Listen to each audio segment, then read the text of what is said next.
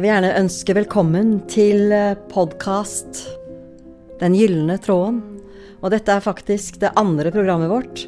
Og denne gangen så er vi så heldige at vi har med oss en gjest. Og det er Katrine Moholt. For mange av dere kjent. Et kjent ansikt og et eh, godt smil. Har, som har loset oss igjennom ja, Skal vi danse, Allsang på grensen og mange andre flere programmer. Og vi syns det er veldig hyggelig å ha deg som gjest, Katrine. Tusen takk. Jeg syns det er en ære å få lov å være første gjest i en så fin og spennende podkast. Som skal ta for seg så mye spennende temaer. Det syns jeg var midt i blinken, og var veldig glad når du spurte, Marianne. Det er godt å høre. Og vi har tenkt litt på hvorfor vi har valgt tema Den gylne tråden. Og litt om hva du også kan bringe inn av tanker i denne prosessen. Og så er det kanskje naturlig å si litt om hvorfor vi er her, og hvorfor vi har valgt deg som gjest. Og vi har jo en fartstid sammen, mm -hmm. men først og fremst så har du vært en veldig nær venn av Ari. Mm. Og eh, etter at han forlot oss, så har jo vi også opprettet litt dypere kontakt. Mm. Men kanskje du kan dele litt hvordan det vennskapet startet? Mm. Eh, det var i 2011. Vi var på Gullruten i Bergen. Du og Olav var der. Og Ari var der sammen med Per fordi de var nominert til Gullruten-pris for programmet sitt Per og Ari. Og eh, så skulle jeg dele ut denne prisen, og så var det de som vant. Og så ropte jeg opp eh, Ari og Per da, som vinnere. Og så var det altså et sånt øyeblikk som eh, noen ganger oppstår i livet. Eh, som jeg i hvert fall kan tenke meg at dere to kan kjenne dere igjen i, og sikkert mange av de som hører på. Men hvor, hvor, det virker som om alt rundt på en måte forsvinner litt sånn i en tåke, og så er det plutselig bare ett menneske som blir veldig framtredende. Og så, og så kommer Nå roper jeg da opp ikke sant, at Per og Ari har vunnet. Og så kommer de gående opp. Så står jo jeg der med prisen og skal dele ut den prisen. Og så møter jeg blikket til Ari når han kommer gående opp. Og så er det et sånt veldig spesielt øyeblikk. Og da hadde ikke jeg hilst på Ari tidligere. Jeg visste jo selvfølgelig hvem han var, og hadde jo fulgt med på hva, hva han gjorde, både kunstmessig og gift med Märtha og alt. Men, men plutselig så ble det bare et menneske som jeg på en måte følte en sånn sterk gjenkjennelse med. Så tenkte jeg det var kjemperart, midt i gullrutene, ikke sant. Altså med masse TV-personligheter og, eh, og, og, egentlig kaos. Så rart at på en måte hjernen og kroppen opplevde en sånn veldig sånn um, Ja, et veldig sånn åndelig øyeblikk, da. For meg. Uh, og så delte vi ut prisen, og så fikk jeg en veldig god klem. Og det også var en sånn veldig gjenkjennende klem veldig altså, Jeg har aldri opplevd det på den måten før. At noen, noen klemmer deg, og så kjenner du at klem som, denne klemmen har jeg vært i før. Og det hadde jeg jo ikke vært. Veldig, veldig sterkt og veldig spesielt. Og så kom vi jo snakk da på Gullruten. Men det var mye folk, og vi snakka. Jeg snakka jo med deg og, og, Olav og Marianne, og det var veldig hyggelig.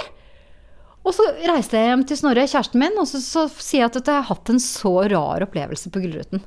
Og fortalte da om det møtet med Ari, som egentlig var veldig kort, men veldig sånn magisk og annerledes. Og så gikk det noen dager, og så sendte Ari meg en mail hvor han hadde opplevd det på akkurat samme måten. For det hadde vi jo ikke snakka om når vi var der.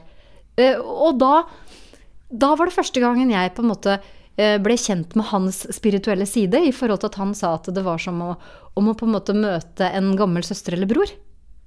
Eh, så han hadde kjent på akkurat den samme følelsen når han hadde gått opp der, at det var en sånn veldig gjenkjennelse. Og etter det, etter det så holdt, har vi holdt kontakten som veldig nære, fortrolige venner.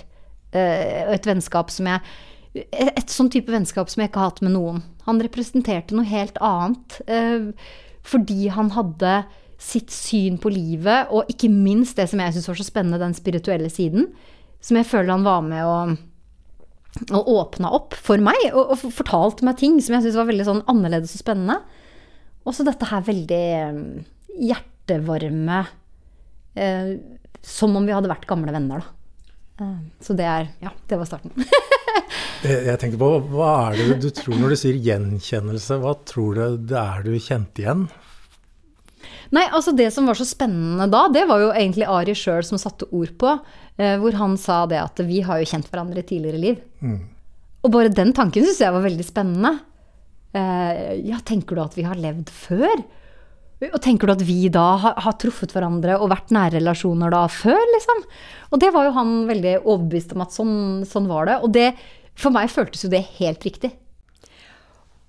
Og det som jeg også syns er veldig spennende, siden jeg har fulgt det, og også fra Aris side, at dere har en veldig sånn sjelslikhet. At det var en veldig fin resonans mellom dere to. Og det er som om rommet åpner seg mer når to sjeler møter hverandre, som har mye med hverandre å gjøre i dybden. At det blir noe mer. Og det syns jeg jeg har sett og så mellom dere to. Ja. Ja. Og det er fint at du sier det. For det føltes, ja, det, det føltes veldig spesielt. Og det, vi holdt kontakten da helt, eh, helt fram til det siste og var, ja, var veldig nære, nære venner. Og jeg savner han hver eneste dag. Men samtidig føles det veldig fint, for jeg føler at han er med oss. Eh, og jeg føler at eh, veldig, veldig rart i dag om Marianne, når vi liksom treffer hverandre òg, så føler jeg han er veldig sterkt eh, tilstedeværende. Det føler jeg òg. Ja. Så nei, rørende. Mm. Men er det Du har kanskje ikke snakka så mye offentlig om dine spirituelle interesser og dine spirituelle sider før, men du nevnte det med Ari og tidligere liv. Men tenker du det at reinkarnasjon og det å leve tidligere liv er en realitet for deg, eller hvordan ser du på det? Ja, jeg tenker jo det. Og så tenker jeg det at eh, uten den spirituelle sida, så tenker jeg at livet blir jo veldig mye kjedeligere. Så det å kunne eh, ha den troa, syns jo jeg er helt fantastisk, for jeg syns det er mye mer spennende. Eh, Og syns at det beriker mitt liv. Og så har vi jo ikke noe fasit noen på som, om det er sånn, men jeg, jeg har en sånn veldig sånn god følelse på det. Um, og det også, eh, som du har snakka mye om, Marianne, det der med å, å kjenne det avtrykkene fra den andre siden. Sånn som jeg sier nå, at jeg kjenner, eh, jeg kjenner at Ari er sammen med oss i dag, og spesielt sterkt fordi du og jeg er sammen. For jeg tror også det er noe med at eh, begge to hadde vi en veldig sterk kjærlighet for han, og du selvfølgelig morskjærligheten. Eh, men at han da er, er her i vår kjærlighet, da. Det føles veldig sterkt og fint. Ja, og du beskriver også veldig fint dette med den andre siden, ikke sant? Og det er jo litt av dette med livets vev, ikke sant? det, har, det er denne siden som vi har for nåværende ja, fysiske kropper og sjeler. Og så har du den andre siden som også er en mulighet til å kommunisere med. Og disse avtrykkene som det setter. Og det syns jeg også er fint at du deler her og nå, ikke sant? At du har det. Og at det gir den eh, Det fyller livet på en helt annen måte. Når man kan eh, åpne for de dimensjonene. Ja, og så er det, jeg det er veldig fint, for jeg føler jo da at døden ikke blir så endelig. For jeg syns jo at det med døden er et innmari dårlig konsept med livet. Jeg, jeg syns at avskjeder er fryktelige greier. Jeg synes det er at, eller, tenk, tenk så vakkert og fint livet er, og så skal vi dø. Noe så meningsløst og tullete og, og fryktelig, egentlig. Men, men jeg føler at med den troa der, da, og den em, følelsen av nærvær fra de man har mista, gjør jo at det blir ikke så endelig. Og det syns jeg er en veldig god og trygg, trygg følelse, da. Akkurat. Det tenker jeg jo at det er det. Og det som du sier, dette meningsløse på en måte, følelsen av døden, da. Men at, den, at det blir en, en transformasjon til noe mer. Det gjør jo også at livet blir mer utholdelig når man mister sine nære. Det er helt sant, føler jeg òg. Mm. Ja, og så har jeg, jeg har gjennom barndommen alltid hatt barnetrua mi. Eh, og alltid vokst opp med liksom, at vi skal møte igjen de vi mister. Eh, og etter hvert som jeg har blitt voksen, så har jeg også kjent, sant, kjent på den følelsen at det, det stemmer, på en måte. Og alle de historiene vi hører om de som eh, tar imot sine som går over, på en måte. Da, ikke sant? At du møter igjen noen som åpner øynene sant, rett før de dør og sier 'Å, der er mamma', ikke sant, og så går det over. Eh, og det er jo en veldig fin ting, og en trygg ting, og så en, en god ting å ta med seg, da.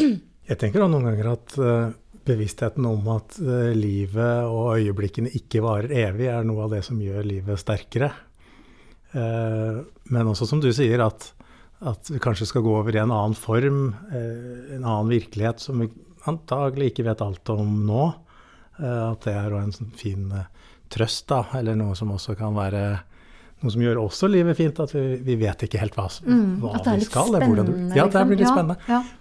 For jeg tenker at hvis vi hadde visst at vi skulle leve her og nå som alltid, så kunne det også blitt litt fortvilende, tenker jeg. Mm, Ja da, jeg, jeg, jeg skjønner, skjønner hva du tenker, men jeg, for meg så er det bare den avskjeden. Jeg syns det er eh, Den der endelige avskjeden, det syns jeg er, eh, det er et dårlig konsept. At verden skal forsvinne, ja. Det er en merkelig ja, tanke. liksom sånn, ja. De Det er jo litt denne statiske eh, opplevelsen da av at noe var endelig. Det er jo som et stup, ikke sant.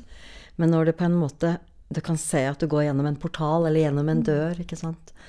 Og som du sa så fint, Katrine, dette med at man åpner øynene og ser at en mor står der, en kjæreste eller en annen som har gått over terskelen, som tar imot.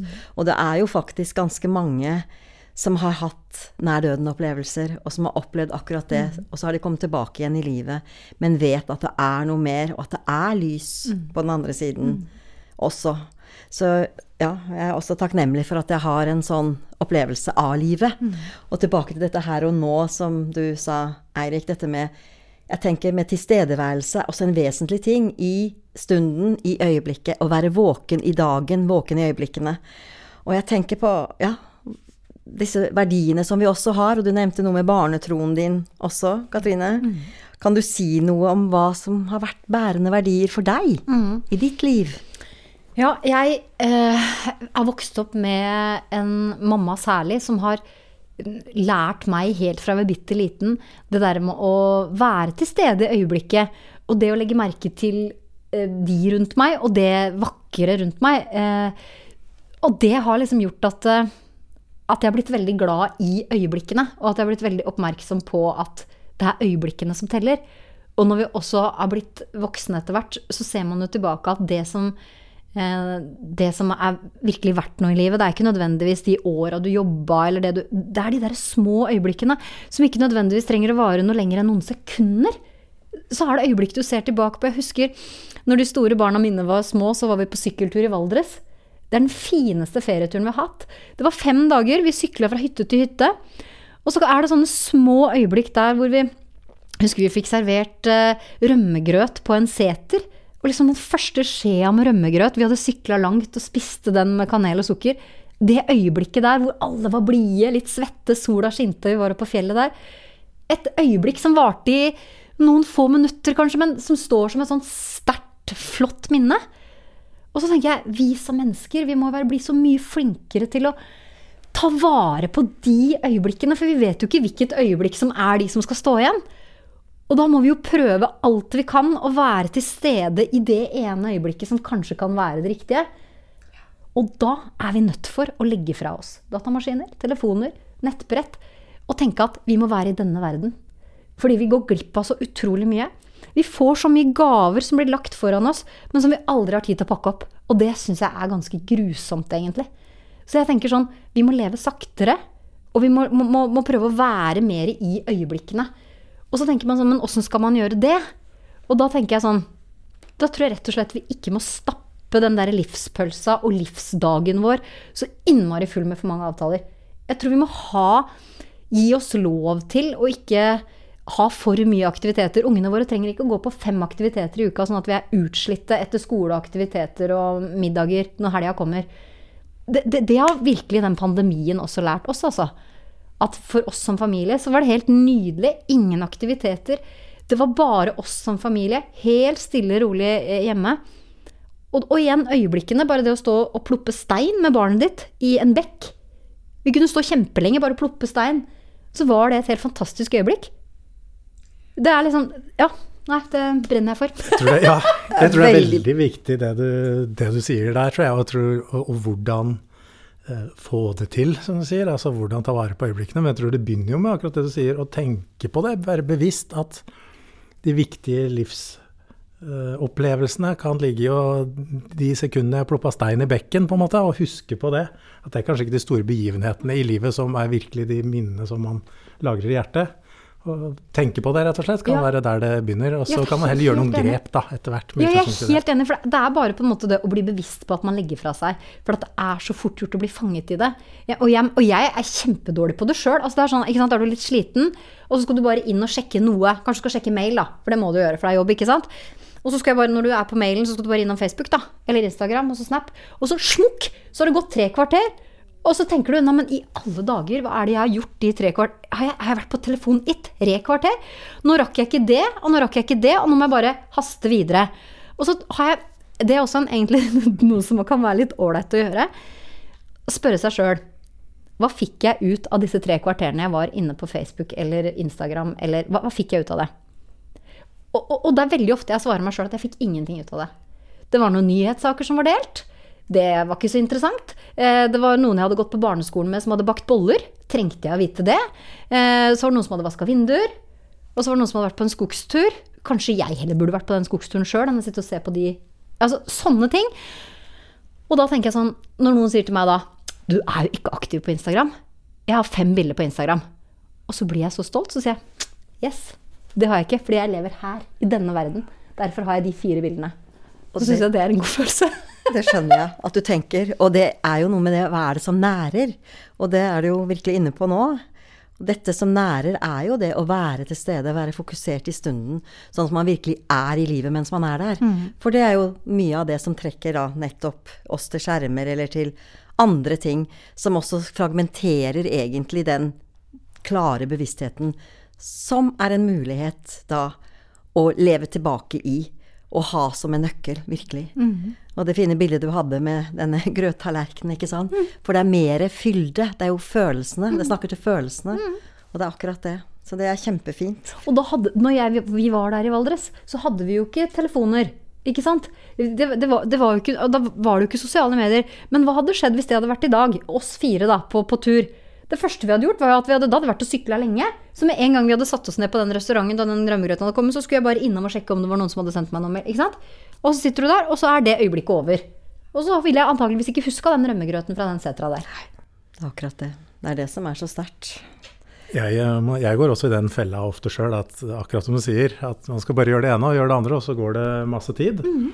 Men for meg har det blitt en litt sånn Jeg prøver å passe på når jeg da runder av med telefonen eller iPaden eller hva det er, så setter jeg meg og tenker jeg, hvordan føler jeg meg nå?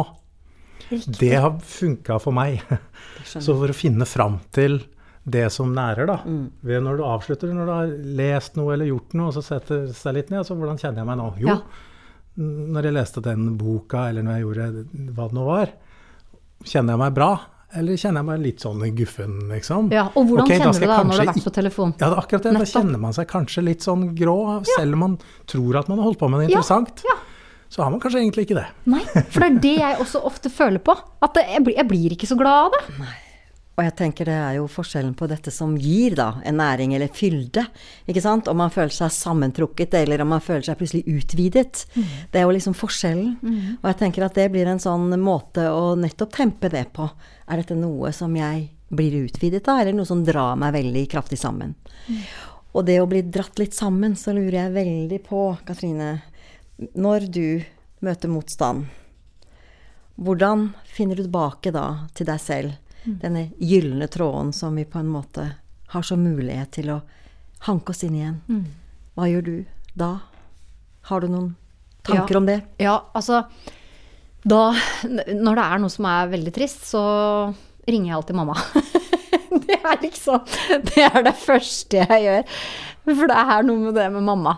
Ja. Uh, og, og jeg, vi er en familie som snakker mye. Altså sånn Bombe. men jeg skravla som en foss fra jeg kom, nei da.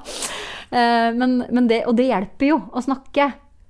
Det er jo veldig så, så, så, det å ha nære relasjoner, om det er en mamma eller om Og, og kjæresten min, selvfølgelig. Liksom? Å snakke, snakke, ut om ting som er vanskelig, det, det, tror jeg funker veldig bra. Og hvis det er vanskelige perioder, så syns jeg også det å være ute i skogen er eh, for meg veldig nærende, da. Som du sier. Jeg syns det er Jeg får veldig mye ut av det. Og så, og så føler jeg nok at jeg hente meg en veldig hjemme. For som programleder liksom, så har vi jo muligheten til altså, Det er jo så mange tilbud man får, ikke sant. Så mye man kan stille opp på av premierer og fester og, og ting som er morsomt. Som man i ut, utgangspunktet tenker at det er jo gøy. Men, men, jeg kjenner veldig på det at uh, når jeg har vært på jobb, så vil jeg hjem. Jeg er gjerne sånn som da reiser hjem. Jeg vil helst ikke ligge over til neste dag. Jeg vil våkne opp hjemme i egen seng og, og føler nok at jeg henter meg en veldig hjemme med mine, da. Jeg er veldig veldig familiekjær. Alltid vært det. Så det er et sted hvor du virkelig lader batteriene Mm. hjemme. Mm. Ja, jeg må liksom hjem. også. det, det stedet vi bor, det er um, en gård som besteforeldrene mine kjøpte i 1958. Uh, og som mamma og pappa tok over når de ble borte. Og så har Snorre og jeg bygd hus på tomt hos dem, da. Så vi bor på en måte med mamma og pappa der oppe. Og, og det, det er så godt, for jeg føler en sånn veldig tilhørighet der. Og det er veldig rart, for når vi snakker om dette her med det litt åndelige og spirituelle, da, og som du sa i stad òg, at med det med å Om vi har levd flere liv, så, så føler jeg at jeg må ha vært der bestandig. Jeg tenker at det er eh, jeg, jeg føler ikke at jeg bare har vært der nå. Jeg føler at der har jeg vært, og der hører jeg til. Og det er en sånn veldig god følelse, for da veit jeg at der skal jeg være. Jeg liksom ingen Jeg tenker på dere, Marianne, som flytta veldig mye eh, gjennom livet. Eh, For meg så er det sånn at jeg, jeg kommer aldri til å flytte derfra. Det vet jeg på en måte. Der, for der hører jeg til. Der skal jeg være.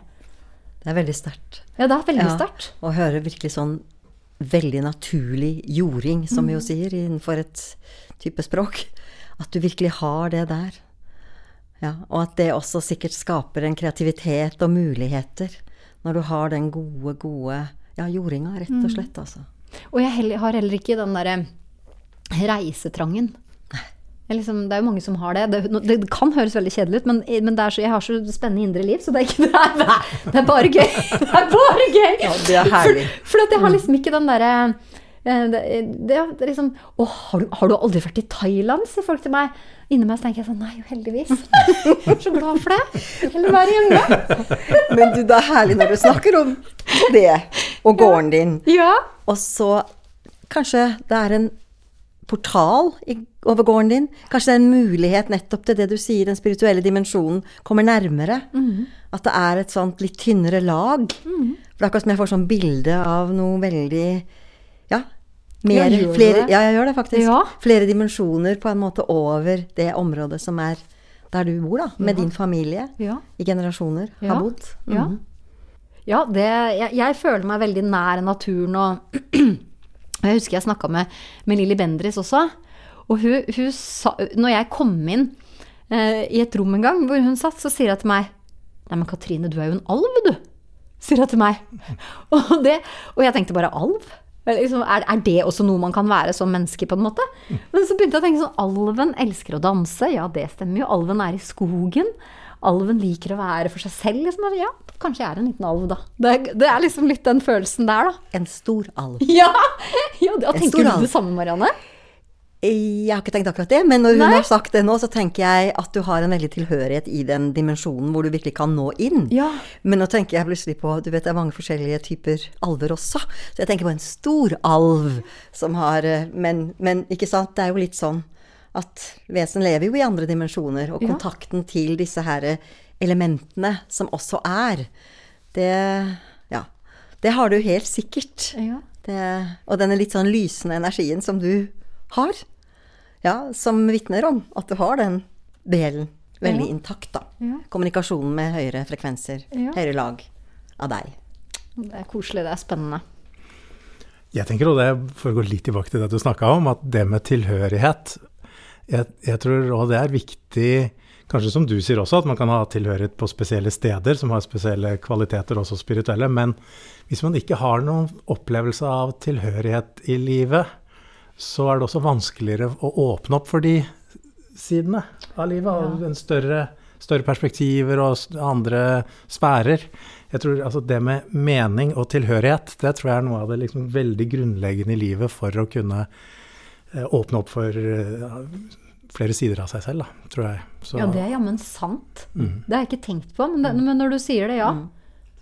For at da er jeg jo så trygg, på en måte, på, på der jeg på en måte hører til, da. Mm. Og så, så, så satt i det at da er det kanskje lettere også da å åpne opp for det det. som kommer inn, på en måte. Mm. Absolutt. Og jeg tenker også dette med at du har denne ja, tryggheten, da, ikke sant? Og denne nærheten, at du der virkelig kan åpne for det mer. Det tror jeg også, så jeg er helt enig med deg, Eirik, også at dette med å ha en tilhørighet. Og det er jo veldig mange i dag som ikke har det. Og det er jo da man må på en måte arbeide mer for å få den tryggheten for å kunne, hvis man ønsker å være en som vil åpne opp for mer eller høyere bevissthet eller større bevissthet, så må man skape de rommene. Så det at du på en måte har valgt, eller er der du er, gir deg den tryggheten og muligheten. Det er kjempefint å høre og se. Men du, du har jo delt nå en del, men dette med den gylne tråden i Ja. livet ditt, er det noe som Kan det vekke en resonans i deg? Ja, veldig. Altså bare med en gang du sa det, når du snakka med meg at dere hadde, hadde den, denne tittelen, på en måte, så ja. Jeg, og jeg tenker at eh, for meg så er nok de gylne trådene i livsveven min, det er nok menneskene. Først og fremst menneskene. Som er de gyllene barna mine. Som står ut som fantastiske gylne, gylne gulltråder i, i min livsvev. Eh, og familien, selvfølgelig, da. Eh, men også dette her, som jeg sa, øyeblikkene. De små øyeblikkene som, er, som, som blir hele livet, da. Eh, og det er, jeg, det er derfor jeg blir så opprørt når jeg ser mammaer som triller barnevogner mens de ser på mm, telefonen sin. Og så ser du lille babyen som ligger oppi der, og så liksom smiler og prøver å få kontakt, og så er det ingen der. Eh, Det var jo på en måte en proble problemstilling vi ikke hadde før. Og jeg kjenner at det skjærer inni meg. For det, liksom, det øyeblikket, når du står og ser oppi barnevogna på den lille mm, spedbarnstida som er så kort, kort, kort, kort, uh, og så går du glipp av de øyeblikkene, det skremmer meg aller mest. Så jeg tenker, ja, uh, gylne tråd der er øyeblikkene, og sikkert jo eldre jeg blir òg, jo viktigere syns jeg det er å ta vare på det. Veldig sterkt det du sier om ja, det å gå glipp av dem, ikke sant. Mhm. Det er eh, de dyrebare stundene. Og jeg tror for min del, da Jeg har jo en sønn på 26 som har flytta til Trondheim og jobber som akupunktør der. Eh, Og jeg føler jo at det var i går at han er like gammel som det Sofia, min yngste, er nå, på 80, ikke sant. Så har jeg Evelina på 22 som har flytta ut. Og den barndommen, den gikk jo veldig fort. ikke sant? Altså barndommen, den, den, Man tenker liksom man har barna sine hjemme i 18 år, men, men de åra går fryktelig fort. Det er barndommen til ungene dine. Og, og, og du vil aldri angre på å ikke jobbe for mye når de er små. Det er noe med det der å være til stede. Og jeg føler at jeg har vært veldig bevisst på det med de to andre òg. Selv om jeg har jobba mye i perioder, så har jeg nok vært mye hjemme òg fordi at jeg har hatt en jobb som ikke sant, har vært Kanskje jeg har jobba en helg, men så har jeg hatt fri i uka. Altså sånne ting. Eh, men det derre eh, å være til stede når man kan da, det kjenner jeg jo da med Sofia som hun er åtte år. Allerede åtte år. Det var jo ikke lenge siden jeg gikk gravid på Fredriksten festning, akkurat som deg, Marianne. Ja. Tenk vi begge to har gått gravide der. Det er litt spennende å tenke på. Det er veldig spennende å tenke på. Ja, ja det er ganske sterkt, altså. Og, um, og da tenker jeg at det går så fort, så at nå er jeg veldig sånn at jeg er kjempegjerrig med tida mi. Og, og sier ja bare til det jeg tenker jeg må og har lyst til. Så hyggelig at du er her, da. Nettopp! Ja. Så en tur til Moss for å treffe dere, det var absolutt på ja-sida. Det er mange andre ting jeg har sagt nei til, men dette her, det var viktig for meg. Det er Det er jo et så viktig tema her. og så når jeg var yngre og hørte voksne folk si at ja, men livet går så fort, og, men det er jammen sant, altså. Hvor fort alt går. Og det, alle disse øyeblikkene, det er massevis av øyeblikk vi går glipp av, selvfølgelig. Altså de fleste, sikkert. Av de kanskje viktige øyeblikkene. Men det er hvordan å bremse tida, som du var inne på. Altså det Finner man oppskriften på hvordan å bremse tida, så har man funnet fram til hellig gral, tror jeg, for oss mennesker. Og det er litt spennende, Den hellige gral. Og jeg tenker, vi har jo vært inne på dette temaet med hva er det som er forskjellen på? Og det har jo noe med det å være nærværende i nettopp stunden.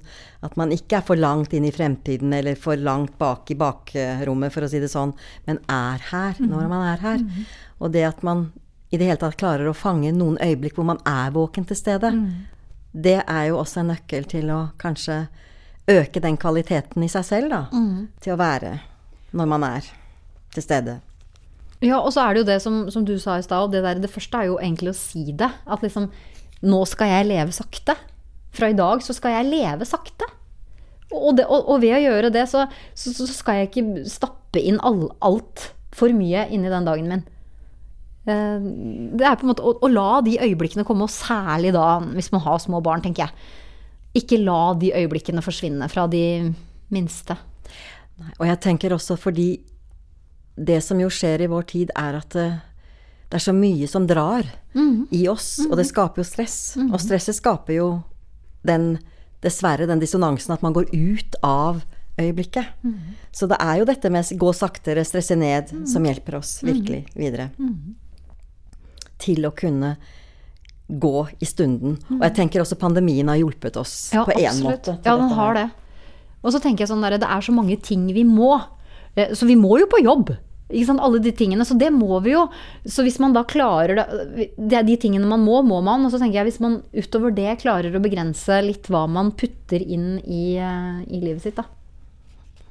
Så valgene, Valgene. som du sa i sted. Ja, det handler jo litt om praktiske ting også, kanskje. Altså, man må jo strukturere livet sitt på en eller annen måte, da. Og prioritere, som du har eh, antagelig blitt flink til å gjøre, da. Velge bort noe som man før kanskje hadde sagt ja til, eller brukt mindre tid på det som kanskje kunne tatt lengre tid, eller Så det, det handler jo om en sånn prosess. En ryddeprosess, kanskje. Rydde i livet. Ja, helt enig. Og så er er det jo dette her også med at man er jo så øh, Ikke sant, vi som mennesker, vi vil helst gå i flokk. Og så vil vi helst ikke gå glipp av ting. Og det også tror jeg er en, en liten øh, felle for oss. For alle andre skal dit, og alle andre gjør det. Og så glemmer du å kjenne etter. Men er, er det riktig for meg, liksom? Altså, du, du, det er ikke sikkert du går glipp av noe om du ikke er på den festen, eller kanskje du heller Du har vært mye borte, kanskje du heller denne lørdagskvelden skal være hjemme, liksom. Altså, jeg tror ikke det er så dumt å Jeg prøver å ikke være så redd for å gå glipp av ting, da. tenker det er en veldig fin nøkkel det du sier, å kjenne etter selv. Og ikke bare dras av andre, men virkelig kjenne hva som er riktig for deg. Tror jeg er en veldig, veldig fin nøkkel. Og ofte glemt. Fordi man tror man går glipp av noe, og så stresser man videre. Men du, jeg lurer på én ting. Har du hatt noen avgjørende vendepunkter i livet ditt som har endret noe for deg? Jeg har jo absolutt det. Um, og den, det første møtet mitt med døden, det var da jeg var ni år og mista morfaren min. For jeg hadde en sånn morfar som var sånn som en bestefar er, som du leser om i eventyrbøker, liksom. Med masse tid. Han var kreativ og morsom. En leken bestefar som eh, spilte kort, og som tok meg med i skogen. Og han døde altså da jeg var ni, så det vil si at jeg var jo ikke så gammel, men jeg har altså så mange øyeblikk med han. Eh, han har blant annet eh, kommet til meg før jul et år med et sånt englespill som du trekker opp vet du, med engler som går rundt og rundt. Som jeg tar fram hver eneste jul. Eh, og, og det var liksom første møte. Han var bare 63 år når han døde. Eh, og, mm, og det var en sånn Ja, det, det var liksom første møte for meg som barn med stor sorg. Men samtidig, allerede den gangen da, så kjente jeg det som vi snakka om litt i stad òg, med Aria. Har kjent morfar sitt nærvær helt fra da. For det er jo mange som har mista besteforeldre tidlig, som på en måte ikke husker dem så godt. og sånn, Men morfar, han er med meg, altså. Det er jeg 100% overbevist om.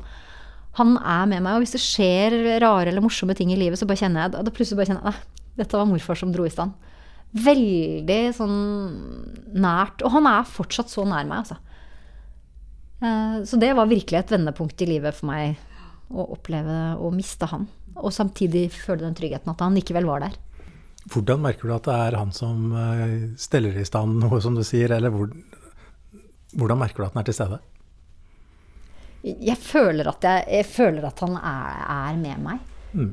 Uh, og at eh, Ja, at det er, bare akkurat, det er bare akkurat som det er en, en bevissthet at jeg veit det. Hvis det er noe som skjer, så bare Og det er mange ganger sagt til mamma òg. Det var morfar, vet du. Det er, det er morfar som Det kan være noen mennesker jeg har truffet. Eller altså et eller annet. Nå er det morfar som har Så fint. Ja. Og det jeg tenker, som du sier, som jeg også har hatt i mitt liv, også før Ari, det er jo dette med at det, jeg opplever at ethvert menneske har en slags kvalitet, en stemning, en følelse, Ja. en lukt, en smak, oh, ja. en, en egen signatur. Og denne signaturen, det er jo den som viser seg fra den andre siden. Mm. Så kan man spørre hvem er det? Ja, det er jo den kvaliteten. Det er jo han Ja. eller hun Ja. som har kommet meg i møte fra den andre dimensjonen, fra de andre dimensjonene. Og det er akkurat som da også blir det dette her som man kan føle i naturen, at man utvider bevisstheten, og at man på en måte har denne samklangen med den andre. Og det er jo, det er jo stort, for det er klart, som du sa i sted, døden er superkjipt. Men da denne ja, denne muligheten, da, til å kjenne kjærligheten fra den andre. Og som du også har sagt du har hatt med Ari også. Mm. Og som jeg kjenner også, som kommer inn på forskjellige måter, ikke sant. Så det tenker jo jeg er noe av hvordan man kan vite, eller føle eller kjenne. Så det går mye på følelser. Jeg tenker vi har snakket nå om ja, sansning skaper mulighet til å gå i følelsene, tenker jeg, i vår verden. Og at det er ofte det som jeg har snakket om med, med å se på skjermer, ikke sant. Altså avgrense oss fra følelser. Fordi det er klart vi kan oppstå følelser i oss, men, men det er jo på en måte the, the mind, den mentale biten, som vi på en måte tilfredsstiller da gjennom disse kjappe Se på den, se på den plattformen osv. Mm. Men vi får ikke tid da til å gå inn i følelsene. Nei. Og at det er et stikkord både for ta det saktere, gå saktere, og stoppe opp og kjenne hvordan det lukter, hvordan det smaker, Ja. hvordan det er. Ja. Så det også er denne portalen til den andre, til de andre dimensjonene. Og kanskje også øve seg på det at hvis du sitter hos tannlegen, da, og sitter og venter, at du ikke nødvendigvis i hver pause du har, eller sitter på bussen, at da skal den telefonen opp, men at du faktisk bestemmer deg for at dette er, dette er faktisk en teknikk du må jobbe med. da. At nå skal jeg sitte på bussen i 20 minutter, men jeg skal ikke ta opp telefonen min. Nå skal jeg faktisk observere de menneskene som går av og på. Jeg skal sitte og se ut av vinduet. Og så skal jeg gjøre sånn som du sa i stad, Eirik. Da skal jeg kjenne hvordan føles det etterpå. Hvordan syns jeg den bussturen var? Var det kjedelig fordi at jeg ikke scrolla, eller kom jeg i snakk med noen, kanskje? Eller opplevde jeg noe skikkelig fint? Var det de canadagjessene som kom flyvende? Liksom la jeg plutselig merke til det? Nei, guri, nå er det vår, nå kommer de. er ikke sant? litt- Altså, ja. Og det er veldig spennende, akkurat det. Nettopp å legge bort. Og jeg reiste jo veldig mye til Oslo med tog tidligere, og det var akkurat det som Ja, det var jo før iPhonene, for å si det sånn. Og det å være liksom på denne lille korte reisen, det ga meg virkelig mulighet til å fordøye. Og til å selvfølgelig prosedere og gjøre sånn som du sier, se på ting, men også til å fordøye. Så det var eh, den korte reisens betydning for meg. Men det er selvfølgelig fristende for meg som for andre å da dra opp denne her. Og det er ganske morsomt å se på alle som bare sitter og glaner Ja. i en boks, for å si det sånn. Istedenfor dette nærværet som vi jo Absolutt. Og jeg gjør det sjøl, altså. Nå høres det ut som jeg liksom jeg, jeg, Det er jo men, men nettopp det, som du sier, ikke sant, at du får ikke noe god følelse av det. Og, så, og det har jo til og med hendt at Sofia på åtte år eh, opp igjennom har sagt til meg sånn Mamma, må du se på telefonen din nå? Og da får jeg jo helt sånn derre «Åh, Nå legger hun merke til at jeg For da har hun kanskje prøvd å vise meg Og så har jeg faktisk sittet på telefonen. Og da blir jeg altså helt eh, Ikke sant? Det er jo ikke bra. Så, og, og, da, og da tenker jeg det, det er hvert fall veldig greit å være bevisst på det. Og så heller, og så heller altså Man leser et ukeblad, eller man er oppe og scroller. Jeg mener jo ikke at vi aldri skal gjøre det, for det er jo, det er jo avslappende. For man, sant, er man sliten etter jobb, og så bare slenge seg ned i sofaen og bare ta opp og begynne Det er jo avslappende på et eller annet vis. Men, men det er nok ikke det som nærer. Jeg tror nok ikke det. At det er noen som med hånda på hjertet kan si at jeg får så mye igjen av å sitte på Instagram. Jeg tror ingen gjør det. Eh, Så er det en veldig sånn enkel form for avslapning som kanskje ikke gir så mye avslapning, men det er den eh, mest tilgjengelige, på en måte. Vi har jo eh, vært gjennom litt av det spirituelle, mye av det spirituelle allerede, men som vi snakket om i den første podkasten om Marianne, så var vi inne på til slutt om det finnes en intelligens bak Kall det tilfeldighetene i livet. Tror du at det gjør det? Opplever du at det gjør det? Mm, ja, jeg gjør det, altså. Veldig sterkt. Og som jeg sier, vokste opp med barnetro, så jeg tenker jo at, at Gud er veldig, veldig nær. Men om, om det er Gud, eller om du kaller det eh, Ja, altså Det behøver ikke nødvendigvis bare være kristendommens gud, liksom. Det er jo på en måte den sto- det store vi tror på. Eh, og jeg tenker også Bibelen har veldig mye bra å by på, som vi, vi trenger å ta med oss. Om du er kristen eller ikke, så er det jo mye av det som står der, og som, som er fint. Og jeg ber mye. Eh, og jeg føler at det er en utrolig god ting. Um, og det, handler jo mye om takknemlighet òg. At du ikke nødvendigvis bare behøver å be når, du, når det er triste ting og sånn, men at du er takknemlig for ting. Eh, og nå høres det ut som jeg begynner å bli så innmari gammel, men det er jo den derre takknemligheten over å få være frisk. Jeg tenker at det, det, er, det er ikke noe selvfølge å våkne om morgenen og være frisk. Det er ikke det. Og det er akkurat det er ikke det. Og jeg lurer på om vi skal gjøre en sånn liten øvelse til slutt, som faktisk handler om takknemlighet. Veldig i all enkelhet. For jeg tror at det stikkordet der også, det er noe som faktisk I hvert fall sånn som jeg kjenner det. At det kan åpne hjertet vårt på en annen måte når vi går inn i Hva er jeg takknemlig for? Ja. Så Jeg er takknemlig for denne stunda. Jeg syns det var en veldig fin, fin stund. Vi som snakker om at vi må ta vare på stønna når den kommer. Ja. Og når den banker på, så må vi slippe den inn. Så jeg tenker at det er takknemlig for at jeg fikk dele denne stunda her med dere. Og jeg må si, jeg takker på vegne av Eirik meg, vi er også veldig takknemlig for at du er her med oss nå. Det har vært veldig fint og berikende, det vil jeg virkelig si. I like måte. Så bare Nå kan vi gjøre en bitte liten øvelse. Vi kan legge hånden på hjertet vårt. Og når vi berører et område i kroppene våre, og nå særlig hjertet, så vil vårt fokus, bevissthet, bli trukket til området rundt hjertet. Og nå kan du bare se for deg at du faller enda mer inn i en type indre ro, og kjenner at hånden berører ditt hjerte. Så kan du rolig puste inn og ut noen få ganger på denne måten. Du kan starte med å telle fra én og oppover på innpust. Gjennom nesen. Telle én, to, tre, fire. Og puste ut gjennom munnen.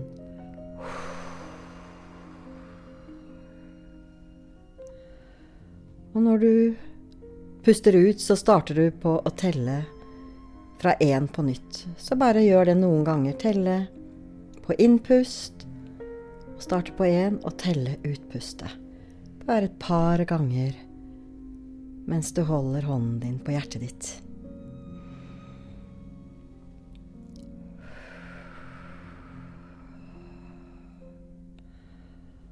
Og så kan du fortsette i ditt eget tempo, samtidig som du nå kjenner etter hva er det jeg kan være takknemlig for her og nå. Kanskje er du takknemlig fordi du akkurat nå sitter i stuen din og kan se rundt deg og tenke at her har jeg fred til å bare være i mitt. Det kan være at du ser en fugl fly forbi, at du bare åpner opp for hva som er takknemlighet for deg akkurat nå i stunden. For når du knytter an til den følelsen av takknemlighet, så er det en følelse som åpner hjertekraften, eller åpner hjertet ditt. Og når det skjer, så er det også mulighet for sinnet ditt, bevisstheten din, hjernen din, tankene dine, å knytte seg til nettopp følelsene, og de større følelsene som da takknemlighet gir. Takknemlighet og universell kjærlighet som en mulighet. Og med dette så takker eh, deg, Katrine, for å være gjest hos oss i denne podkasten denne gang. Det var en stor glede. Tusen takk for meg. Tusen takk.